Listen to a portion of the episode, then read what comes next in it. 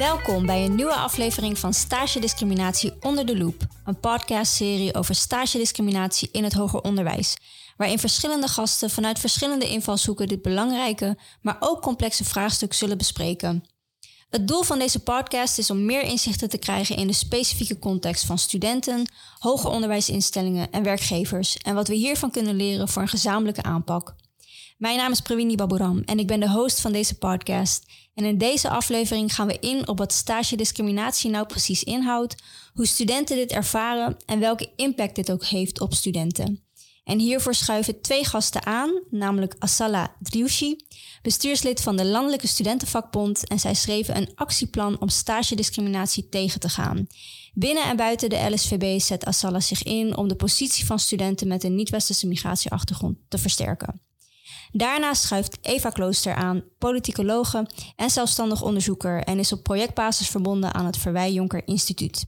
In 2016 deed zij als een van de eerste kwalitatief onderzoek naar stagediscriminatie met studenten in het MBO en later ook in het HBO en heeft daarmee een belangrijke basis gelegd voor de verdere beleidsontwikkeling om stagediscriminatie tegen te gaan. Zowel de LSVB als Eva Klooster hebben een belangrijke rol gespeeld in het agenderen van stagediscriminatie, vooral in een tijd waarin racisme en discriminatie niet altijd bespreekbaar waren in een maatschappelijk debat. Mede dankzij hun inzet staat het nu op de politieke agenda. En vandaag gaan we met hen in gesprek over waarom ze het zo belangrijk vonden om stagediscriminatie te agenderen en hoe we dit probleem in de praktijk van instellingen, studenten en werkgevers kunnen begrijpen. Asala en Eva, ontzettend fijn dat jullie er zijn. Welkom. Hi, dankjewel. Dankjewel. Um, ik wil eigenlijk gewoon meteen erin duiken en uh, beginnen bij het begin. Um, voor mensen die misschien stage discriminatie voorbij hebben zien komen, maar ook niet precies een beeld erbij hebben, kunnen jullie ons meenemen in wat stage discriminatie nou precies is? En dan begin ik even bij jou, Eva, omdat jij ook vanuit een onderzoeksangel uh, je daarmee bezig hebt gehouden. Um, ik, ik ga dan even terug naar 2016. Dat is het moment dat ik er uh, mee bezig ben gegaan. Het was, ik denk soms dat het woord nog niet eens bestond, maar dat moeten we maar eens googlen. Dat weet ik niet heel erg zeker. Ik was toen net aan het werk bij Verwij Jonker. Uh, de vraag lag er van het ministerie van Sociale Zaken of we wouden kijken op welke rol discriminatie speelt bij de, bij, op de, arbeid, de stagemarkt van MBO'ers in die tijd. Um, en als jij dan even de, de stap naar als je vraagt van wat is discriminatie uh, bij stages, dat is het ongelijk behandelen van gelijke kandidaten. Dat is denk ik de meest korte versie. En daar hebben we het straks over welke vormen dat kan hebben. Um, de, het moment dat ik uh, daarmee aan de slag ging, en dat was tevens het moment dat ik net in dienst was bij Verwij Jonker Instituut was het een discussie, uh, zowel bij beleidsmakers, maar ook in, de, in het onderwijs, alsof het over de ongelijkheid van studenten zelf ging. Dus uh, zodra we het over discriminatie hadden, was, kwamen we al snel op het gesprek van um, waar voldoet de student eigenlijk onvoldoende aan en wat verklaart dan dat die student achterblijft uh, in de toegang? Hè? Wat, wat, wat verklaart die ongelijke toegang? En dat was dus niet het ongelijk behandelen van gelijke kandidaten, wat discriminatie is. Ja. Dus um, ik denk dat ik het daar even bij moet houden. Ik denk, ja. Asale, je kan me aanvullen. Herken jij dat misschien? Uh, ja, hoe ik stage discriminatie zelf zie, is niet toegelaten worden op een plek. Um, terwijl jij jezelf wil zijn. En om die reden dat jij jezelf bent, word je niet toegelaten tot een plek. Dat is uh, ja. wat ik heel erg herken, ja. Ja, en, en misschien om daar wat dieper op in te zoomen. Want als ik je goed begrijp, Eva, zeg je... Uh, discriminatie is in feite ongelijke behandeling. Hè, en nu specifiek in de context van een stage.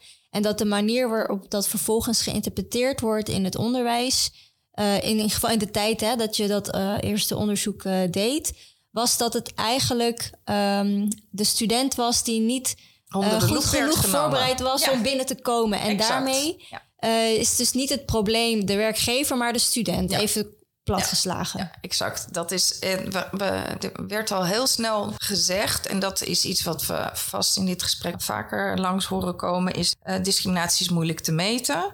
Dus uh, we sluiten daarmee het gesprek een beetje af, want het is oh zo moeilijk. En vervolgens gaan we er dan toe over om te kijken wat, is, uh, wat verklaart dat studenten ongelijke toegang hebben aan de studentzijde. Ja. Maar dat is precies niet wat discriminatie is. Discriminatie gaat over het mechanisme van uitsluiting. Ja, Dat is een heel ander eh, onderzoek. En dan moet je op een andere manier voor naar, eh, eh, op zoek gaan naar hoe kan je die ongelijkheid aantonen. Waar zit het? Het zit vaak heel erg verstopt.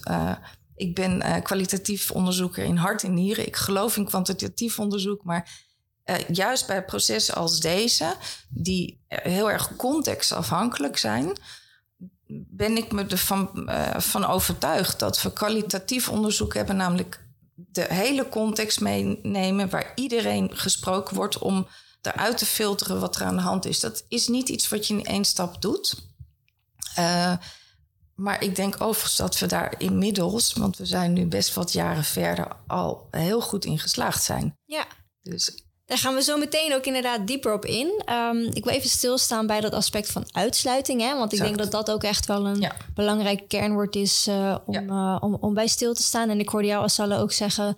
ehm, je wordt eh, uitgesloten op basis van wie je wilt zijn. Ehm, en dan wil ik even inzoomen op...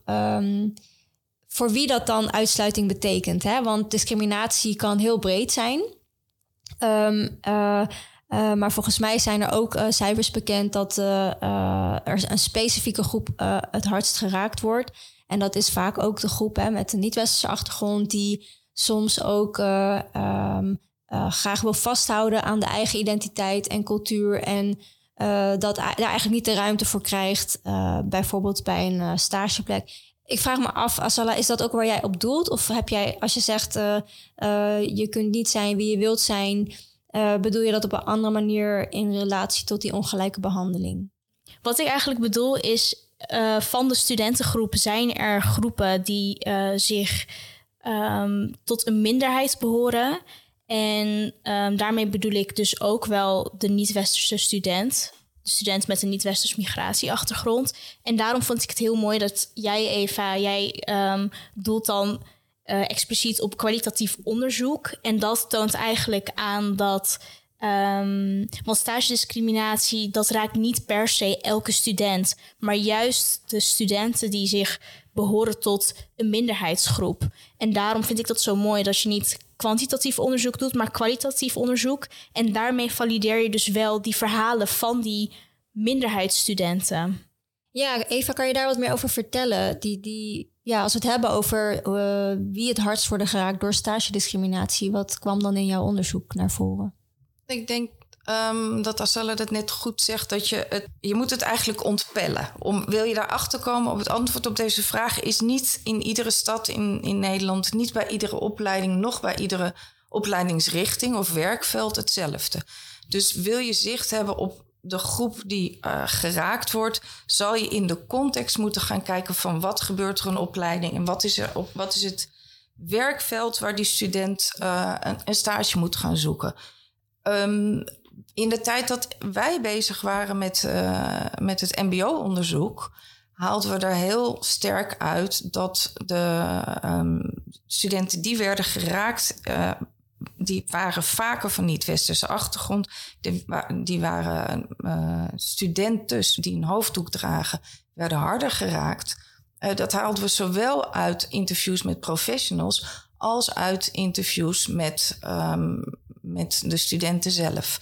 Ik kom dan op een ander punt. Ehm, ik wil eigenlijk aandacht vragen voor waarom we het soms ook heel moeilijk kunnen vinden. Dus de vraag van wie is het hardst geraakt, die is best ingewikkeld. En ik weet dat heel veel mensen in het onderwijs ontzettend hun best doen en overtuigd zijn dat het bij hen op de opleiding niet plaatsvindt. Ik denk dat dat het een hele belangrijke is dat we het niet zeggen dit is een landelijk beeld, maar je moet heel goed kijken naar wat op jouw opleiding speelt.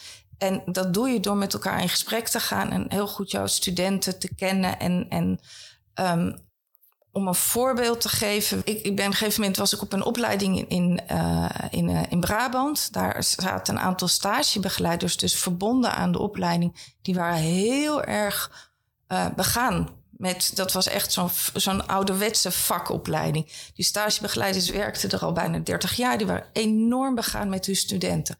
Als je daar als onderzoeker komt van ik kom kijken hoe het hier zit, dan wordt er direct gezegd: hè, dit zijn onze studenten, bijna onze matties, wij beschermen onze matties. Precies in dat beschermen zit de ongelijkheid. En dat is dat die, die betrokken onderwijsprofessional kan ook denken van ik weet dat die in dat geval was het een, een, een wijk met heel veel Turkse Nederlanders. Ik weet dat zij moeilijker aan een stage komen. Ik wil dat voorkomen voor zijn. Dus wij als opleiding verbinden ons aan een aantal bedrijven in de omgeving. We weten dat daar Turks-Nederlandse eigenaren of teamleiders zijn. En de boodschap die deze studenten kregen was: daar ben jij welkom. Als je als onderzoeker daarheen gaat en je, je gaat dat met schriftelijke vragenlijsten kijken of je het kan meten, of als je dat als opleiding doet, dan zal je nul discriminatie ervaringen optekenen. Waarom? Het is weggehouden bij die studenten. En dat is misschien uit goede bedoelingen gebeurd, maar uh, aan het eind van de opleiding is er een groep studenten, in dit geval waren het dus Turkse Nederlanders, die in een eigen omgeving, vaak ook in de Turkse taal, hun stage hadden gelopen. Um, en dus geen ervaringen hadden buiten de, de eigen gemeenschap of wijk. Met als gevolg dat als je later op die arbeidsmarkt komt, dat jouw cv eigenlijk minder waard is dan van iemand die op meerdere plekken in de samenleving ervaringen heeft opgedaan. En daar staat dan de ongelijke kans op werk. Op het moment dat je dit gesprek voert met die mensen in die opleiding, die ongelooflijk betrokken zijn vaak. Het is niet altijd het racisme wat ons dwars zit. Het is ook, laten we zeggen, het bemoederen waar, waar we last van hebben. Dat principe zit erachter. En al die mensen denken dat ze daar goed mee aan het doen zijn. Daarnaast hebben we andere processen gaande. Maar dit is er één van waarom je kan zeggen: het is moeilijk te vinden als onderzoeker. Maar ook de opleiding moet meer tijd eraan besteden om dit te vinden. Het is niet met één vragenlijstje gedaan. Ja, maar ik ben heel erg benieuwd ook, Assalou, hoe jij hier naar kijkt. Maar voordat uh, dat ik naar jou ga, toch even een korte samenvatting. Ook om uh, zelf goed te, te begrijpen en te checken bij jou, Eva, of ik dat ook zo goed heb begrepen. Want ik hoor jou eigenlijk zeggen dat er wel degelijk een bewustzijn is van ongelijke kansen. En dat er eigenlijk um, nou, uh, oplossingen worden gezocht hè, voor uh, die studenten. Uh, die hen in ieder geval op de korte termijn helpen. Een stage doorlopen, je, je, je, je opleiding afronden. Binnen de veiligheid van de eigen gemeenschap. Maar daarmee wel een bepaalde ervaring wordt ontnomen of ontzegd. die andere studenten wel eigenlijk krijgen. En dat daar eigenlijk een ongelijkheid uh, in stand uh, wordt gehouden. Ja. Klopt dat? Ja, en dat heb ik op heel veel verschillende niveaus en in verschillende contexten door het land gevonden. Dat ja. dit principe, uh, dat, dat er op deze manier werd gewerkt. Asala, ik ben heel erg benieuwd, ja, wat gaat er door je heen als je dit zo ja, hoort? Ik ben hier heel kritisch op, om heel eerlijk te zijn. Ik zie dit eigenlijk als een witte oplossing. Ik bedoel, Um, er worden heel vaak uh, best gedaan, zeg maar, om oplossingen te vinden. Maar niet elke oplossing is het beste natuurlijk. Want wat je hier eigenlijk doet is. Um, je plaatst iemand bij een bepaalde groep met de gedachte: oh, diegene zal um, op die manier zo wel geholpen worden. Maar uh, wat je eigenlijk doet is: je schat dan zo iemand heel erg anders in um, door jouw eigen um, bias. En dat vind ik niet oké, want uh, normaliter zou je dat waarschijnlijk niet doen. En um, wie weet uh, lopen deze studenten wel kansen mis of informatie of... Ik ben, ja, ervan overtuigd dat, ik ben ervan overtuigd dat mensen kansen mislopen door, dit, door deze manier van werken. Het is overigens niet, wordt niet alleen gedaan door witte onderwijsprofessionals. Het is iets wat veel in het onderwijs voorkomt. Er zitten veel mensen die goed willen doen. En, en, uh, en zeker in het MBO. Want ik vind wel dat we daar een onderscheid in moeten maken. We, we gaan het zo ook hebben over het, of vooral hebben over het HBO. Dat is echt wel een andere dynamiek uh, die we daar vinden. En daar, uh, ook als onderzoekers, als we keken van wat kunnen we daar zien aan uh, wat verklaart de ongelijke kans op stage en, uh, en werk, daar kwamen we vaak een precies eigenlijk het omgedraaide tegen. In het HBO wordt veel vaker op de zelfstandigheid en de eigen verantwoordelijkheid van de HBO'er gewezen. Dat is echt een ander werkveld, waarmee ook zeker degenen die van het MBO komen, die hebben daar vaak, dat is een hele nieuwe context. En, en er, er zit dan bijna een beetje een schuldig schuld. Uh, uh, uh, aspect aan. Van als het, als het je niet lukt, dan ben je, je bent wel zelf verantwoordelijk dat, je dat, dat het je niet is gelukt om die stage te vinden. Ja.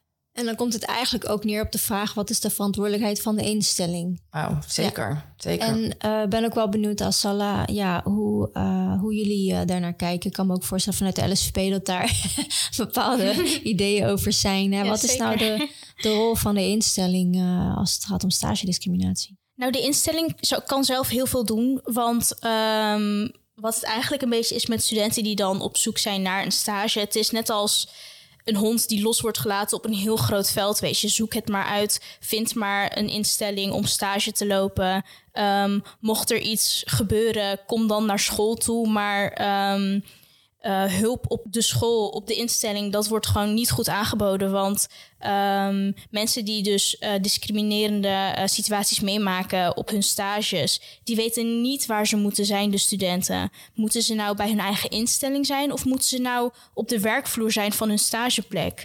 Um, en zo ja, degene die jou dan aan het begeleiden is op de stage, die wil je natuurlijk niet uh, confronteren met een bepaald probleem. Want er is eigenlijk gewoon sprake van machtsverhouding op zo'n moment. Ja, bij wie moet je aan de bel trekken? Dat is een heel groot probleem. En wij vinden daarin dat de instelling zelf, dus um, de school waar de student uh, studeert, um, daar moeten duidelijke meldpunten um, plaatsvinden. want Anders kan je nergens terecht. Exactly. Ja. Je hebt gewoon een vangnet nodig. Ja. En ik hoor je ook machtsverhoudingen uh, uh, benoemen. Hè? Dus uh, studenten die afhankelijk zijn hè, van een bepaald persoon van beoordeling. En als je dan zegt, hey, ik denk dat er sprake is van discriminatie, dan weet je eigenlijk niet zeker of je kunt afstuderen of je stage kunt voltooien. Dus ik denk dat dat elementen zijn ook hè, die, um, die we mee moeten nemen in het um, gesprek. Um, ik wil ook nog even inzoomen uh, op um, stage discriminatie en hoe dat inderdaad zich uit en ook op welke momenten is het. Hè, want we hebben het nu over uitsluiting überhaupt op, op, het, op de, uh, de arbeidsmarkt en het vinden van een stage. Uh, zijn er nog andere momenten in het proces van een stage waar jullie van weten dat er stage discriminatie wordt ervaren? Ik zie even al ja knikken, dus misschien kan je daar alweer op reageren. Het is, we weten het uh, van de toegang Overigens is dat als onderzoeker makkelijker te meten. Want dat wordt toch heel vaak geroepen dat we dat niet kunnen meten. Dat kunnen we wel. Dat kunnen we namelijk door gewoon door praktijktesten te doen. Dat is het, het, het vergelijken van uh, de reactie op uh, sollicitatiebrieven van gelijke kandidaten, maar dan in, met andere, uh, uit andere groepen of achter andere achternamen. Dus we hebben die toegang, die, dat, die discussie zouden we eigenlijk moeten sluiten, wat mij betreft. Want die, dat weten we nu en dat kunnen we ook meten.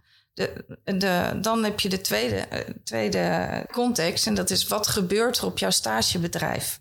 Daarvan zeggen we allemaal dat, dat kunnen we moeilijker opsturen, we kunnen het moeilijker meten. Um, ik ben daar als onderzoeker, maar ik ben er ook als persoon echt falikant tegen dat wij dat als volwassen mensen nog steeds durven te zeggen.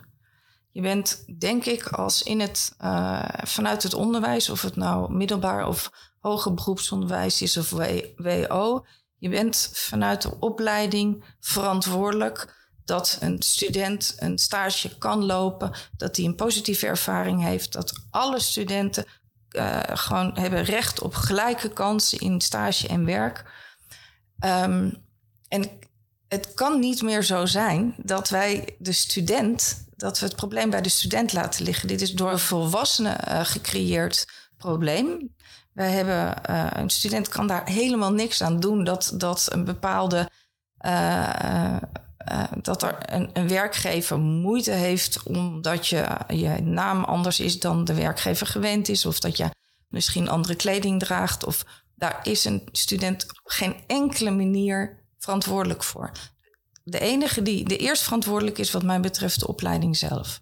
De opleiding zal vanuit de, ehm, de, dat moet een, je hebt het over meldpunten, dat is één oplossing. Maar ik, ik denk toch, en daar, volgens mij is Echo daar ook mee bezig, er moet een bewustzijn zijn voor iedere individuele onderwijsprofessional is mede verantwoordelijk. Je werkt op een beroepsopleiding en dat betekent dat je een praktijkgedeelte hebt en een theoriegedeelte. En het zou toch heel raar zijn dat we student betaalt voor de opleiding, maar we zijn eigenlijk alleen voor het theoriegedeelte verantwoordelijk. Het is heel raar. Ja, nee, uh, Asala, ik, uh, ik ben ook wel benieuwd hoe jij er naar kijkt. Ja, ik zit de hele tijd te knikken. Um, want je begon eigenlijk bij het proces eerst de toegang. Um, we horen eigenlijk schrijnende verhalen over um, uh, nou studenten met een niet-westerse migratieachtergrond. Die hebben geen westerse namen bijvoorbeeld. die solliciteren dan nog een keer, maar dan niet met wie zij echt zijn. Nou, die verhalen die zijn allemaal bekend. Um, en toch wil ik daar nog even stil bij staan, want dat zou natuurlijk een oplossing kunnen zijn om te kijken of een bepaalde plek xenofobisch of uh, discrimineert, xenofobisch is of discrimineert. Um, maar ethisch gezien is het gewoon heel fout. Uh, die erkenning moet er eigenlijk zijn dat dit ethisch gezien gewoon echt niet kan. En daarbij het volgende proces, dus tijdens de stage zelf. Um, wordt inderdaad heel erg de verantwoordelijkheid bij het individu, dus bij de student, gelegd. Terwijl um, de stagebegeleiding gewoon niet goed genoeg is. Wij worden op uh, scholen tijdens, opleid op, tijdens de opleiding krijgen wij te horen dat wij voorbereid worden voor, de, uh, voor het werkveld. Maar wanneer worden wij voorbereid voor um, de stagemarkt? Nou, helemaal niet dus. Een aantal keren. En dat moet eigenlijk ook wel verbeterd worden, want op het HBO um, zijn er wel eens bijeenkomsten um, om je uh, nou, voor te bereiden. Je hebt het dan even over wat stage inhoudt en wat de criteria allemaal zijn. Maar dit moet veel beter en vaker gebeurd worden. En dan moet er ook expliciet stil worden gestaan bij um, voorbeelden als stagediscriminatie. En daarbij dus eigenlijk ook een stappenplan. Dat moet toegereikt worden aan de student. En intern bij de instelling zelf moet er ook een stappenplan komen. Want um, de werknemers van de instelling moeten dit zien te handelen natuurlijk. Ja, ik hoor jou ook zeggen, Asala, dat de instelling eigenlijk veel proactiever moet reageren ja, als het gaat om stage discriminatie. Dus niet uh, optreden als het zover is. Maar eigenlijk uh, uh, aangeven, hey, dit kan je mogelijk tegenkomen. En als je er tegenkomt, dan zijn dit de dingen die je kunt doen om het aan te kaarten. Exactly. Ik kan me ook wel voorstellen dat dat natuurlijk hè, een, een andere dynamiek teweeg brengt. omdat je dan eigenlijk een, um, een probleem wat er nog niet is... Um, ja, ook weer um, op het bord leggen van, uh, van studenten. En dat daar denk ik de aarzeling in zit. Ik zie Eva ook ja, knikken. Nou ja, ik, ik, ik ben heel erg geneigd dat wij als dat de volwassen wereld. En de studenten zijn ook volwassen, laat ik dat maar meteen even zeggen. Maar gewoon de professionele wereld. Dat daar, in, dat daar de meeste uh, verantwoordelijkheid ligt. Bij de aanpak en ook bij de preventie. Dus hè, we kunnen, uh, dat was in 2016 ook. Toen ik begon met dat onderzoek, was het eerste altijd het gesprek: hoe kun je die student sterker maken? Hoe kan je ze uh, beter? Hè? Dan, dan komen er allerlei nieuwe vormen van sollicitatietrainingen, rolmodellen, empowerment. Uh, enzovoort. Hè? Dus je wordt eigenlijk voorbereid op dat je mogelijk die kans niet, niet gelijk gaat zijn dat doet iets met je zelfvertrouwen. Dat, dat weten we ook uit onderzoek. 100 procent, ja. dus hè, dat maakt niet dat jij op een pret... Ik zeg niet dat ik er tegen ben, maar ik vind wel dat we dat moeten benoemen. Het doet echt iets met jonge mensen als ze constant gewaarschuwd worden. Ik zou het uh, vind dat we daaraan toe zijn om te zeggen van... Ja, er, het kan voorkomen, uh, maar wij zijn er. En wij zijn, staan naast je op het moment dat dat gebeurt.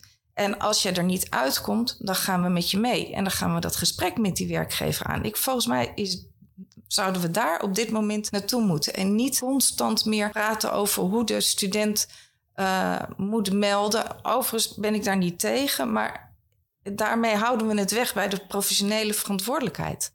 Ja, ik weet dat een van de uh, grootste uitdagingen in, in die aanpak. Hè? Om, om te zeggen, we gaan met je mee en we, we pakken die rol. uh, vaak ook ligt in de vraag: uh, hoe weten we dat er echt sprake is van discriminatie?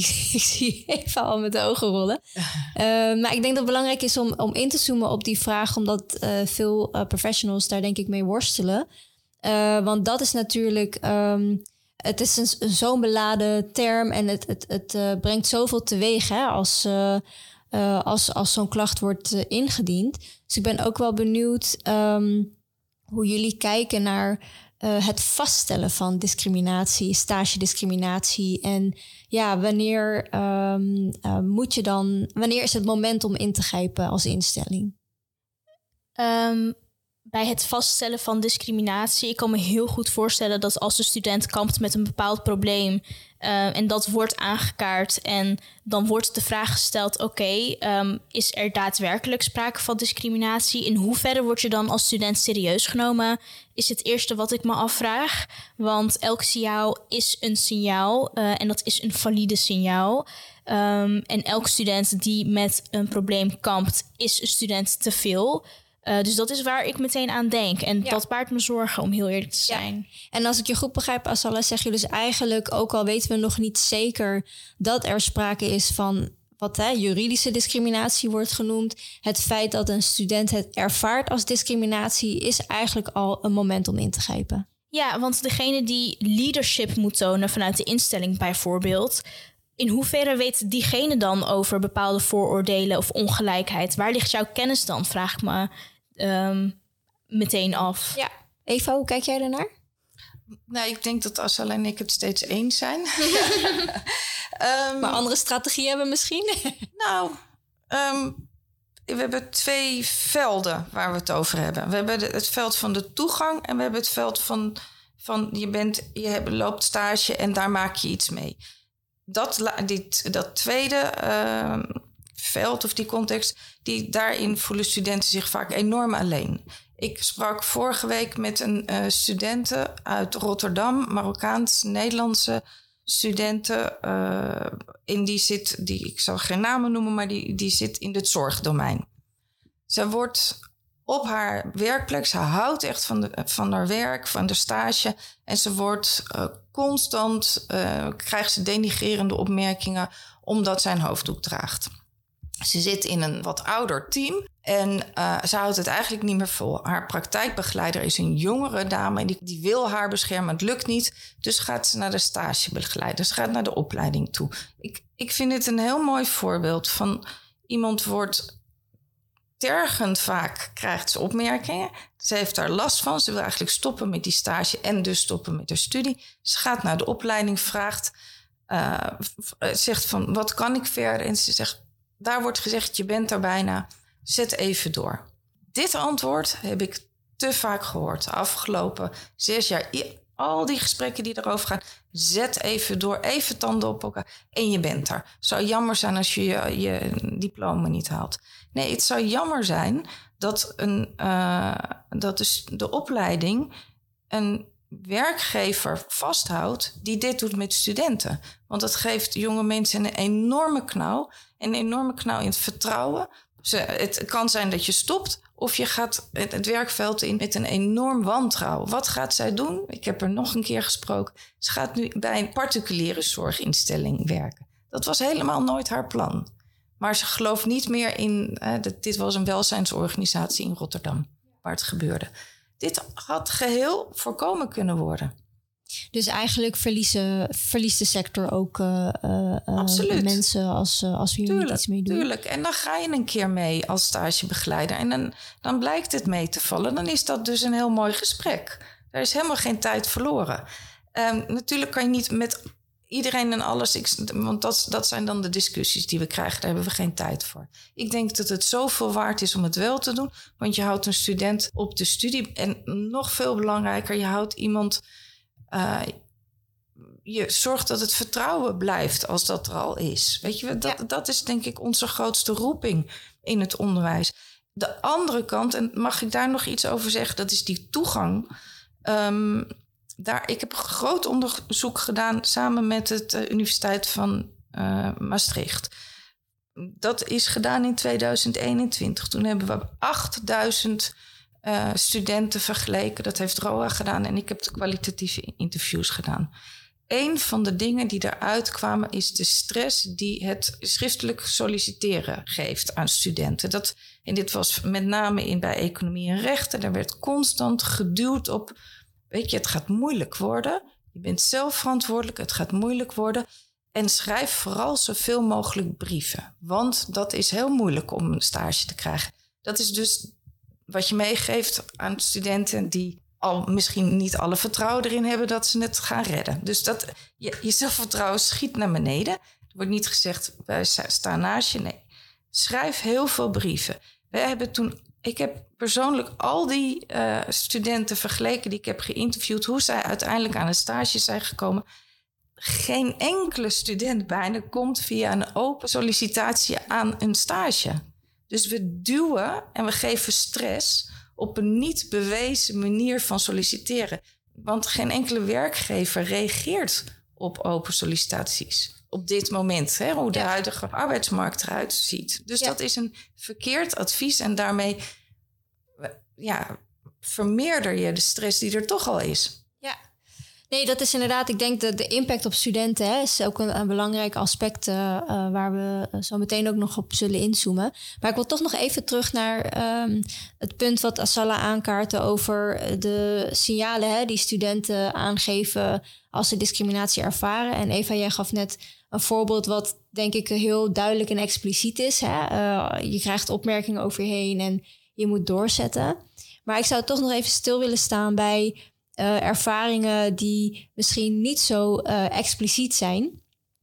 Maar die voor studenten wel voelbaar discriminatie zijn. En die dus niet altijd te pinpointen zijn. Hè? En ik denk dat dat zeg maar de grootste uitdaging is waar, waar instellingen tegenaan lopen. Als het allemaal subtiel is, um, dan is het misschien lastiger om te bepalen. Um, ja, hoe je moet ingrijpen. Dus ik ben ook wel benieuwd, uh, naast de meest expliciete vormen die duidelijk zijn, hoe gaan we om met de subtiele vormen van discriminatie? Uh, ik denk zelf, binnen discriminatie heb je heel veel gradaties van, heel veel verschillende vormen. Um, en dat kan hem alleen maar zitten in bepaalde opmerkingen die microagressies uh, opleveren. Maar um, als we het dan daarover gaan hebben, dan vind ik het voornamelijk belangrijk dat niet alleen instellingen, maar dus ook gewoon stageplekken, dat zij hun best doen voor maatwerk. Want voor hun is het wellicht lastig om dan meteen in te zien um, welke gradaties van discriminatie er überhaupt bestaan. Maar als er geen maatwerk is, als hier ook geen onderzoek naar wordt gedaan, dan is het heel makkelijk om te zeggen dat er waarschijnlijk geen sprake is van discriminatie. Ja, en Eva, wij hadden net uh, ook een, een kort voorgesprek waar je ook zei van... goh, hè, uh, het is er, maar je moet, uh, je moet weten waar je het moet vinden. Ik ben ook wel benieuwd hoe jij hier naar kijkt. Um, ik moet hem heel even terughalen. Ja, specifiek, um, hè, we hebben het nu over gradaties van discriminatie... Um, en eh, Asala noemde net microagressies. Dus dat zijn ook uh, voor degenen die niet bekend zijn met microagressies... specifieke kleine uh, uitingen van impliciete aannames... die um, verbonden zijn aan stereotype denkbeelden... en als beledigend kunnen worden ervaren. Um, en ja, dan moet je maar ook bewust zijn van microagressies... en dat het beledigingen zijn en niet verkapte complimenten. dus de kernvraag is hier eigenlijk hoe Um, hoe pak je discriminatie aan als je het ook niet altijd weet te herkennen uh, als instelling? Hè? Want studenten die geven aan, goh, ik ervaar dit. En uh, dit is wat mij betreft discriminatie. En dan krijg je eigenlijk uh, als eerste de vraag, maar hoe weet je dat het zo is? Hè? Want op het moment dat we discriminatie gaan aanpakken, dan ja, het is een, het is een, een zware aanklacht. -huh. Mhm. hoe, ja, hoe gaan we daarmee om? Hè? De, de beladenheid erkennen, maar tegelijkertijd wel wat Asala ook zegt uh, de uh, gevoelens van een student uh, valideren en serieus nemen. Ik denk wat, wat er nu gaande is en waar volgens mij Echo ook heel sterk mee bezig is, is dat we als geheel, dus de hele, de hele opleidingssector, een, een, een, een hogere bewustzijn moet zijn, bewustwording van dat dit gaande is. Ik denk dat dat, dat moet wel samenleving. Dit, we kunnen niet anders. Dus dat. Het, ik denk op het moment dat we daar allemaal beter in geschoold zijn. En dat betekent dus met elkaar in gesprek gaan. Uh, het, het thema, ja, ik heb altijd gedacht, je moet constant dit onderwerp blijven bespreken met elkaar. En dat betekent dus dat je dat in de setting doet met studenten één op één, dat je het in klassetting doet, maar dat je dat ook als teams doet. En, ja, dat je het ook doet als je als teamleider met uh, jouw medewerkers spreekt van zie jij het? Wat doe je? Voel je daar comfortabel mee? Heb je daar, want hè, er zijn natuurlijk ook heel veel uh, onderwijsprofessionals die zelf uit groepen komen die gediscrimineerd worden. Die, kunnen, die zijn vaak professioneel eenzaam als je het hen vraagt. Hè. Die ze hebben het een beetje opgegeven om het te agenderen. En dat is super pijnlijk. Dus ik zie geen andere weg dan dat we dit in ieder geval met elkaar blijven bespreken. En dat, er, dat we en verder, we, zijn, maken stappen en dat die bewustwording verbetert. Ik mag nog even teruggaan aan, en we gaan het over, uh, we hebben het net over het pinpointen waar, waar het zit. Ik ben het ermee eens dat bepaalde settingen zijn heel ingewikkeld, want je, kan altijd het argument hebben dat je er niet bij was. Um, daar hebben we die bewustwording voor nodig. Maar er zijn ook contexten waarvan we weten dat dat altijd triggers zijn. En dat is waar ik eigenlijk net naartoe wilde met um, stop is met uh, studenten aanjagen om open sollicitaties te sturen, omdat het zo leuk is om te oefenen op waar jij uh, wil solliciteren. Um, dat is namelijk zo'n punt waar dat gebeurt. En um, om dat verhaal af te maken, als, als we vergelijken wie worden er uiteindelijk uitgenodigd het is sowieso niet zo'n succesvolle manier van, van solliciteren. Maar als je dan kijkt wie er worden uitgenodigd, dat zijn degenen die bekend zijn met het bedrijf. En daar zit discriminatie. Ja. Dus dat is hè, de, de, degene met de, de, de bekende achternaam. Die wordt nog een keer, die krijgt een kans bij een open sollicitatie. Ik hoor jou eigenlijk, als ik je goed begrijp, twee punten aanhalen. Dus één is, er zijn bepaalde contexten waarin discriminatie eigenlijk al in de hand wordt gewerkt. Hè? En als je daar bewust van bent, dan kan je ook andere strategieën uh, ontwikkelen als uh, instelling. En twee is dat je eigenlijk ook uh, als professional nu een extra competentie moet ontwikkelen. Uh, en dat is uh, uh, bewustzijn van hè, die ongelijkheid, van microagressies. En, en dus ook ernaar kunnen handelen hè, als studenten aangeven dat ze die discriminatie ervaren. Dus ik denk dat dat ook twee hele mooie ja, handvatten zijn waar professionals mee verder kunnen. Um, ik zie dat we al bijna toe moeten naar afronding, maar dat wil ik niet doen zonder toch nog even stil te staan bij de impact op de studenten. Want we hebben het over um, de verantwoordelijkheid van de instelling, omdat die student uh, dat niet zou moeten dragen. Um, en ik denk dat daar juist ook de sense of urgency zit. Dus ik zou ook nog even bij jou, Asala, uh, willen uh, ja, inchecken van... goh, wat zijn nou de signalen die je opvangt van studenten? Wat doet stage discriminatie met, met jou als je, het, als, je het, ja, als je ermee wordt geconfronteerd? Um, het zoeken naar een stage levert dan al heel uh, dat geeft een hele negatieve associatie aan de opleiding en iets moeten doen voor het papiertje waar je eigenlijk gewoon voor werkt. Um, heel veel uh, studenten die zich dus behoren tot minderheidsgroepen in studentenwereld, uh, die hebben dan ook gewoon geen zin om überhaupt te moeten beginnen aan het zoeken van een stageplek. Um, die zijn al bekend met de taferelen van: oké, als ik um, stiekem toch ga solliciteren als Pieter in plaats van uh, Mohammed, dan word ik wel aangenomen. Terwijl ik gewoon mezelf wil kunnen zijn. En dat ik evenveel kans moet kunnen hebben als een Pieter, bijvoorbeeld. Um, deze tafereelen zijn zo bekend dat dat ons demotiveert. Um, en ik herken mezelf heel erg hierin, want ik heb nog geen stage moeten lopen. Maar uh, ik heb er geen zin in ook, om heel eerlijk te zijn. Ik zie dit als een hele... Um, ik zie het als een barrière moeten solliciteren en waarschijnlijk te horen krijgen dat ik hem niet word en waarschijnlijk vijf keer moeten solliciteren. Dus dit geeft echt een hele grote impact op de studenten en um, wat me ook heel erg zorgen baart is dat um, door stagediscriminatie en door al deze negatieve associaties, dat dat ook een hele negatieve associatie aan de opleiding en de studententijd geeft. Terwijl dat super zonde is, want we bevinden ons in een hele mooie tijd van ons leven. Um, we horen onszelf te ontplooien tot de persoon die we willen zijn, maar dat uh, gaat dus niet zo vloeiend. Uh. Ja. En ik hoor jou eigenlijk ook zeggen dat uh, überhaupt, hè, voordat je aan het hele proces begint van uh, een stage zoeken, dat je als uh, student uh, heel goed uh, op de. En, en specifiek ook studenten uit uh, gemarginaliseerde, ondervertegenwoordigde groepen. heel goed op de hoogte bent van de onderzoeken die ieder jaar wel verschijnen over ongelijke kansen op de arbeidsmarkt en, en op de, voor stageplekken. Heel goed op de hoogte bent van de mogelijke barrières, omdat je zoveel mensen in je omgeving hebt die dat al hebben meegemaakt. En dat die context je eigenlijk al meeneemt uh, in het zoeken van een stage. En dat een opleiding zich daar eigenlijk ook van bewust moet zijn. dat het niet zo is um, dat je erover nadenkt uh, op het moment dat je ermee wordt geconfronteerd. Maar de maatschappelijke de discussie en de dagelijkse ervaringen in andere contexten met andere mensen, met, van wie je feedback terugkrijgt. Uh, maakt eigenlijk al dat je een extra stress ervaart die ja, eh, studenten die tot de norm eh, behoren niet ervaren. Ja, ik ben zelfs bang om te zeggen dat we dit misschien wel genormaliseerd hebben. Ik bedoel, ehm, dit is allemaal al heel erg bekend.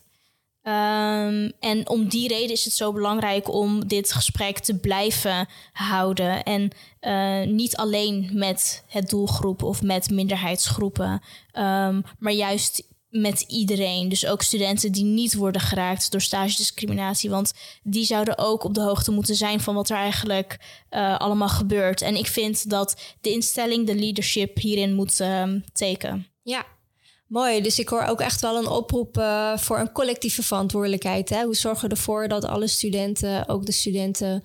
als je geen uitdagingen ervaart, hoe kan je je medestudenten daarin ook ondersteunen? Uh, volgens mij kunnen we echt nog heel lang hierover doorpraten. Maar ik moet echt toe naar de afronding. Dus Asala en Eva, ik wil jullie ontzettend bedanken voor jullie kritische uh, reflecties. En uh, ook hele mooie suggesties ook hè, voor instellingen. Hoe ze hiermee aan de slag kunnen gaan. Uh, dus dank jullie wel voor jullie bijdrage. Jij bedankt. dank je. Ehm, wij zijn toegekomen aan het einde van deze aflevering. Dit was Stage Discriminatie onder de loop, een podcast over stage discriminatie in het hoger onderwijs. Deze podcast is een productie van ECHO Expertisecentrum Diversiteitsbeleid en wordt uitgevoerd in opdracht van het ministerie van Onderwijs, Cultuur en Wetenschap en het ministerie van Sociale Zaken en Werkgelegenheid. Wil je meer weten over stage discriminatie, wat je hier tegen kunt doen en welke mogelijkheden er zijn om je in het vraagstuk te bekwamen? Neem contact op met ECHO. Onze gegevens zijn te vinden in de show notes. Dank voor het luisteren en tot de volgende aflevering.